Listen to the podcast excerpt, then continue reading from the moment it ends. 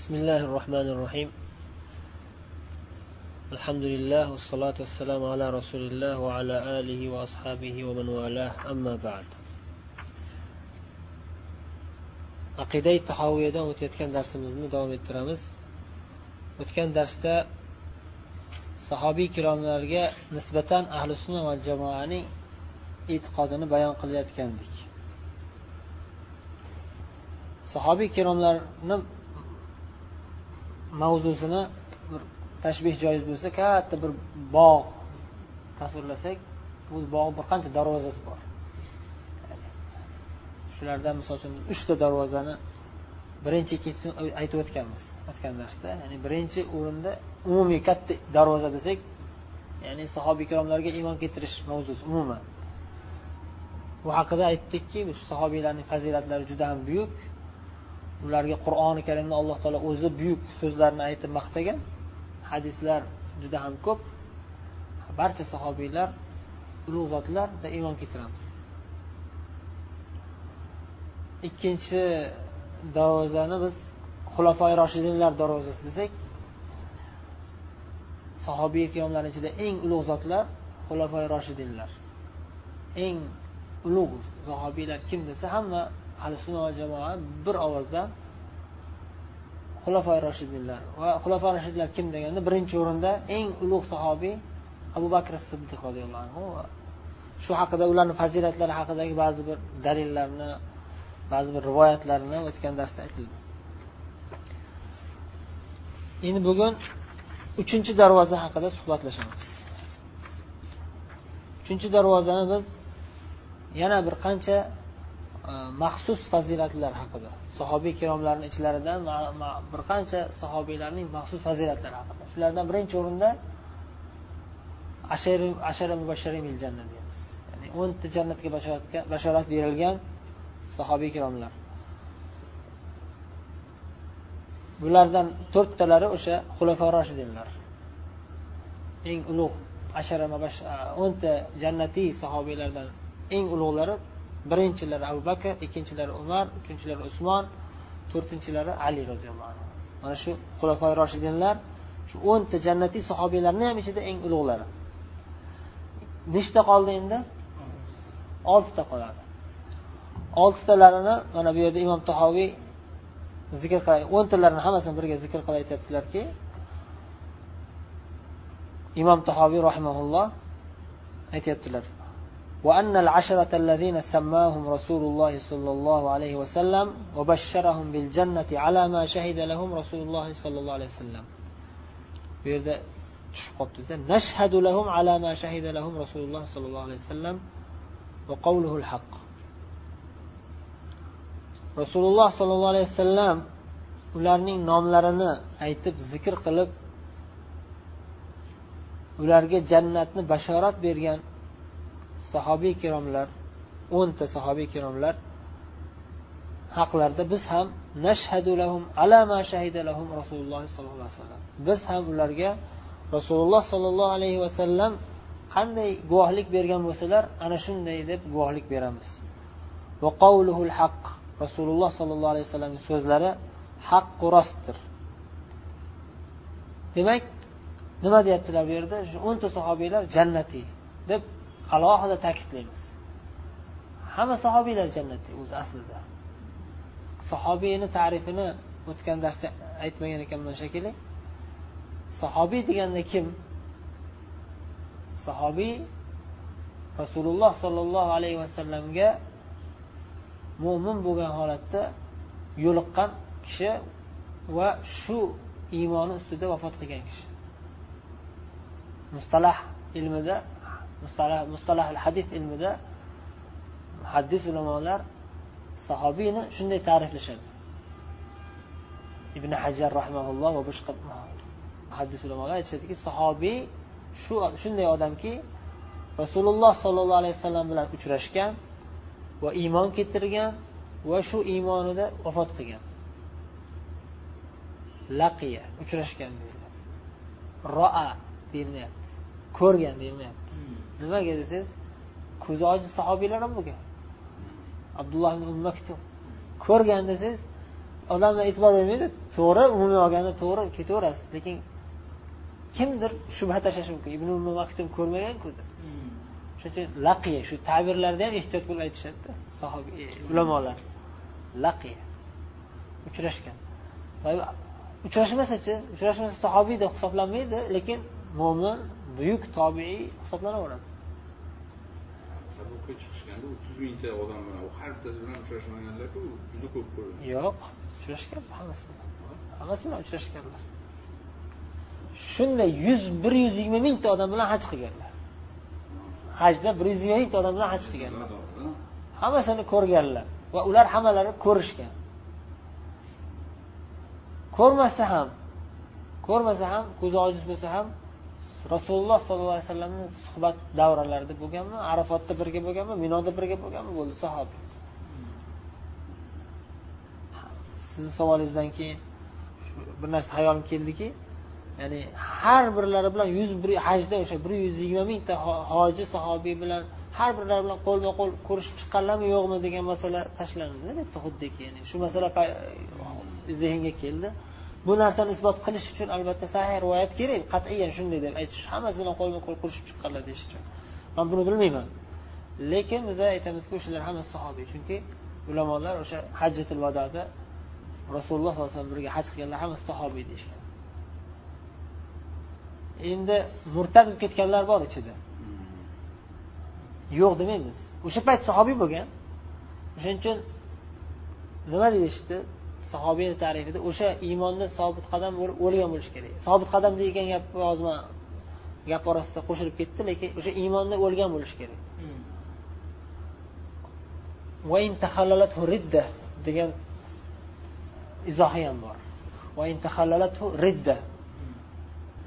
O'rtada murtad bo'lib ketib turib keyin qaytadan islomga kirgan bo'lsachi bu sahobiy hisoblanadimi yo'qmi desa yo'q deyishgan ba'zilar. Aksariyat ulamolar hatto murtadlik aralashgan bo'lsa ham sahobiyligi yo'qolmaydi. Agar islomga kirsa. Qaytadan islomga kirib o'sha islomni vafot qilsa. Demak sahobiy mana shu. Payg'ambarimiz sollallohu alayhi vasallam bilan uchrashgan. Valau lahza degan tabiri ham bor edi. Bir lahza bo'lsa ham degan deyishgan ba'zi ulamolar. Bir lahza shunda rasululloh alayhi vasallam ko'rgan bo'lsa bir lahza birga mo'min bo'lgan holda sharti bor shu. Mo'min bo'lgan holda bir lahza rasululloh sollallohu alayhi vasallam bilan uchrashgan bo'lsa uchrashgan deganda o'sha suhbatlarida bir lahza bo'lsa ham bo'lgan bo'lsa bo'ldi. Mo'min bo'lgan holatda. Sahobiy bo'ldi endi ikkinchi shart qoldiki o'sha o'sha holatda o'lish kerak. Ya'ni iymonda bo'lish kerak. Iymonda bo'lgan holda o'lish kerak. Shu sahobiy bo'ladi. Ya'ni payg'ambarimizga iymon keltirib o'sha iymon bilan vafot qildimi? Payg'ambarimiz bilan uchrashganmi bo'ldi u jannatda hammasi. Lekin biz yana alohida ta'kidlab aytamiz rasululloh sollallohu alayhi vasallam ular ba'zi bir sahobiylarni hammalarini emas ba'zi birlarini fazilatlarini yana ham ta'kidlab aytganlar. Falonchi unaqa falonchi unaqa deb turib yana ham ta'kidlab fazilatni bayon qilib aytganlar. Ana shular xususan jannatiyligi yana ham aniqroq bo'ladi. Shularni ichida yana fazilatliroqlar birga zikr qilinganlar. Bir guruh bo'lib zikr qilinadigan sahobiylar bo'ladi shu. Birinchi o'rinda ashara mubashshirin bil janna birga bitta hadisda zikr qilingan bular. Bitta hadisda hamma birga zikr qilinib nomini aytilgan. Abu bakr fil janna umar fil janna ila oxir hadis. Hammalari fil janna fil janna fil janna deb chiqqanlar. Nima zarurat? Hammasini bitta abu bakr umar hammasi kullu fil janna. O'ntasini zikr qilib turib havla kullum fil janna deb nimaga bitta har bittasiga fil janna fil janna fil janna deb fil janna degan gap o'n marta takrorlayapti. Ta'kidlash uchun fazilatlarini ulug'ligini ta'kidlash uchun. Bu yerda imom tahoviy shu hadisni hammasini batafsil zikr qilib o'tirmasdan hammalarini jannatiy deb aytamiz rasululloh qanday aytgan bo'lsalar dedilarda keyin kim ular deganda vahum abu bakr va umar va usmon va ali va tolha va zubayr va sad va said va abdurahmon avf va abu ubayda va abu ubayda ibn jarroh dedilar mana shu o'nta sahobiy jannatiylar keyin oxirida aytdilarki abu ubayda ibn jarroh sifatlaridan bir sifatini zikr qilib aminu hadihil umma mana bu ummatning eng omonatdor shaxsi abu ubayda dedilar. Nimaga bu gapni aytdilar chunki u hadisda kelgan. Rasululloh sollallohu alayhi vasallam shunday deganlar ya'ni aminu hadihil umma deganlar. Abu ubayda aminu hadihil umma bu ummatning eng omonatdori deb maqtaganlar. O'zini u kishi ba'zi bir e, sahobiylar va boshqa odamlar ham odatda ba'zida kunyasi bilan mashhur bo'lib qoladi. Shuning uchun kitoblar yozishgan ulamolar. Ulamolar kitoblar yozishganki fil kuna yoki al kuna degan kitoblar keladi. Kunyalar degan. Ya'ni nimaga bu kitob? Ya'ni shunday shaxslar tarixda ko'p bo'lgan shunday shaxslar bo'lganki oti mashhur bo'lmagan. Kunyasi mashhur bo'lgan. Otini kamdan kam odam bilgan. Abu ubayda ham shunday. Otlarini bilamiz kitoblardan o'qib lekin aksar joylarda kunyalar bilan zikr qilib mashhur bo'lib ketganlar. Abu hurayra ham shunday. Abu bakr ham shunday. Otlari abu ubaydani otlari amir. Amir. Abu ubayda amir ibn jarroh bularni har birlari haqida alohida hadislar bor. Qayta qayta rasululloh sollallohu alayhi vasallam har xil munosabatlarda aytardilar. Har bir har birlarini alohida fazilatlarini aytib chiqardilar. Masalan biz o'tgan darsda to'rtta xulafa roshidlar haqida bir qancha hadislarni zikr qilgandik. Har birlari haqida bir hadislar kelgan. Xususan abu bakr umar alohida ikkitalar ikkovlari ko'p zikr qilinardilar keyin usmon haqlarida qancha hadislar kelgan ma darra usmon ma amila ba'dal yawm degan hadis mashhur hadis ali roziyallohu anhu haqida alohida hadislar kelgan anta minni bi manzilati harun min musa ali roziyallohu anhu alohida o'zlariga aytilgan hadislardan biri yana bittasi rojulan yuhibbulloh va rasulah va yuhibbulloh va rasuluh ham bir fazilat tolha roziyallohu anhu haqida bir qancha hadislar kelgan. Uhud jangida rasululloh sollallohu alayhi vasallam oldilari turib qattiq turib bergan sahobiylardan birlari. Tolha boyliklarini olloh yo'lida ishlataverardilar tolha zubayr ham shunday. Endi ularni axloqlari va qilgan ishlari haqida kelsangiz u dars emas. Unga bir yillik dars bitta ikkita dars emas bir yillik dars bo'lishi kerak. Ya'ni biz hozir endi bitta ikkita hadislarni eslashga harakat qilyapmiz qisqasi lekin ularni hayotlari mobaynida qilgan ishlarni aytaman desangiz ancha vaqtlar kerak. Abu ubayda roziyallohu anhu fazilatlari haqida amin deydilar. Undan tashqari yana boshqa fazilatlar haqida boshqa rivoyatlar ham kelgan. Keyingi guruhga o'tamiz. Endi hozir bir o'ntalik guruh o'rgandik. Ashara mubashsharin qisqacha aytib o'tdik. endi imom tahoviy keyingi nuqtada aytyaptilarki ومن أحسن القول في أصحاب رسول الله صلى الله عليه وسلم وأزواجه الطاهرات من كل دنس وذرياته المقدسين من كل رجس فقد برئ من النفاق رسول الله صلى الله عليه وسلم من صحابي كرام لرحق لردا و u zotning tohira bo'lgan pok bo'lgan azvojlari ya'ni ayollari haqida.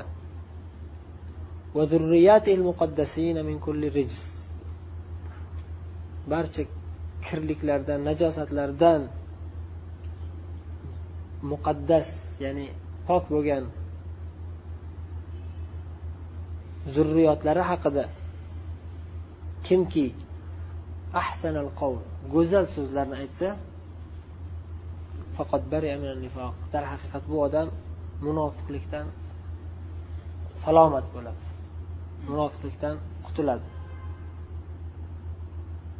Demak bu yerda umumiy va yana xususiy kelyapti. Umumiysi umumiy sahobiylar haqida. Xususiyrog'i rasululloh sollallohu alayhi vasallam ayollari bilan va rasululloh sollallohu alayhi vasallamni ahli baytlari haqida. Ayollari deganda hammalari sahobiy. Nechta ayollar bo'lgan? O'n bitta ayollar bo'lgan. Ikkita ayollari payg'ambarimiz vafot hayotlari davrida vafot qilishgan. Ikkitalari hadija bint huvaylid hadija bint huvaylid roziyallohu anhu eng ulug' ayollari. Yosh jihatdan ham fazilat jihatdan ham. Oysha onamiz bilan deyarli juda eng ulug' fazilatlarga ega bo'lishgan ikkinchi vafot qilgan e, ayollari zaynab roziyallohu anhu ikkita zaynab degan ayollar bo'lgan. Birlari zaynab binti huzayma yana birlari zaynab binti jahsh. Zaynab binti huzaymamida adashmasam o'shalar umul masakin degan laqab bilan mashhur bo'lgan zaynab. Zaynab umul masakin payg'ambarimiz hayotlari davrida vafot qilganlar ular. Qolganlari hammasi payg'ambarimiz sollallohu alayhi vasallamdan keyin vafot qilishgan. Ular zikri bor bu yerda sharhda oysha roziyallohu anhu eng ulug'lari. Hadijadan keyingi darajada eng ulug'lari desak ham bo'ladi yoki hadija bilan bir barobar desak ham bo'ladi. Nimaga desangiz ulamolar sharhda aytishganki rasululloh sollallohu alayhi vasallam ilmlarini kim tarqatgan? Oysha onamiz tarqatgan. Xususan ya'ni oilaviy jihatdan gapiryapmizda biz abu hurayra borlar u ko'p ko'proq rivoyat qilgan. Yetti mingta hadis rivoyat qilganlar. Abu hurayra yetti mingga yaqin hadis. Oysha onamiz ham juda ko'p hadislarni rivoyat qilganlar. O'sha jihatdan boshqa bironta payg'ambarimiz ayollari bu kishiga yetolmaydi. Oysha onamizga yetolmaydi. Bu degani oysha onamizni fazilati qiyomatgacha davom etadi degani hadija onamiz ham shunday. Degan afzalni bermadi deb afzalini bermadi afzalini bermadi lekin barobarini bergan bo'lishi mumkin. To'g'rimi? Oysha onamizni biz hadija onamizdan afzal deyolmaymiz hadija onamizga barobar bo'lishlari mumkin. Hadija onamiz shuning uchun ulamolar bir jihatdan hadija onamiz afzal bir jihatdan afzal shak shubhasiz ikkinchi jihatdan oysha onamiz afzal shak shubhasiz lekin oxirgi xulosasiga kelsangiz eng qaysidir birlari sal afzalroq bo'lishi mumkin. Uni biz bilmaymiz olloh biladi. Qaysi birlari umumiy xulosada afzalroq bo'lishlari mumkin uni biz bilishimiz qiyin. Ba'zi bir ulamolar hadija onamizni aytishgan qat'iyan aytishgan.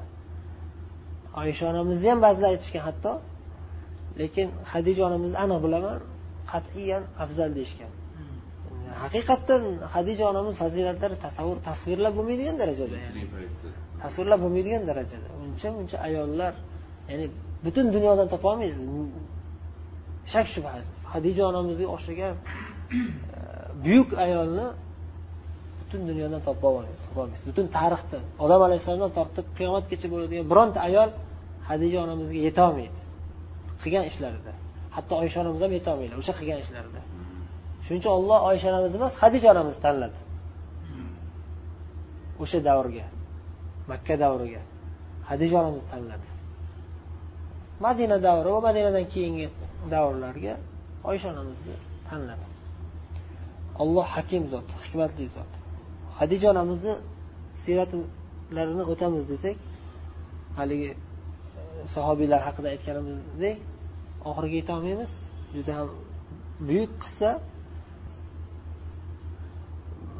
Ulug' sahobiya ayollardan ummu habiba onamiz e, keyin maymuna bintil haris onamiz keyin sofiya bint huyay onamiz. O'zlari buyuk ona buyuk sahobiya dadalari do'zaxda. Dadalari la'nati yahudiy huyay ibn axtob alloh taolo o'liklardan tiriklarni chiqaradigan zot. Xuddi mana shunga o'xshash. Huyay ibn axtob payg'ambarimiz sallallohu alayhi vasallamga nisbatan eng ashaddiy adovat bilan qarshi bo'lgan urushgan yaramas madinada ham payg'ambar sallallohu alayhi vasallamga xiyonat qilib madinadan haydalib ketib haybarga ham borib payg'ambarimiz sallallohu alayhi vasallamga qarshi yahudiylarni jamlab urush qilgan va shu yo'lda halok bo'lib ketgan badbaxt qizlari esa eng ulug' sahobiya ayol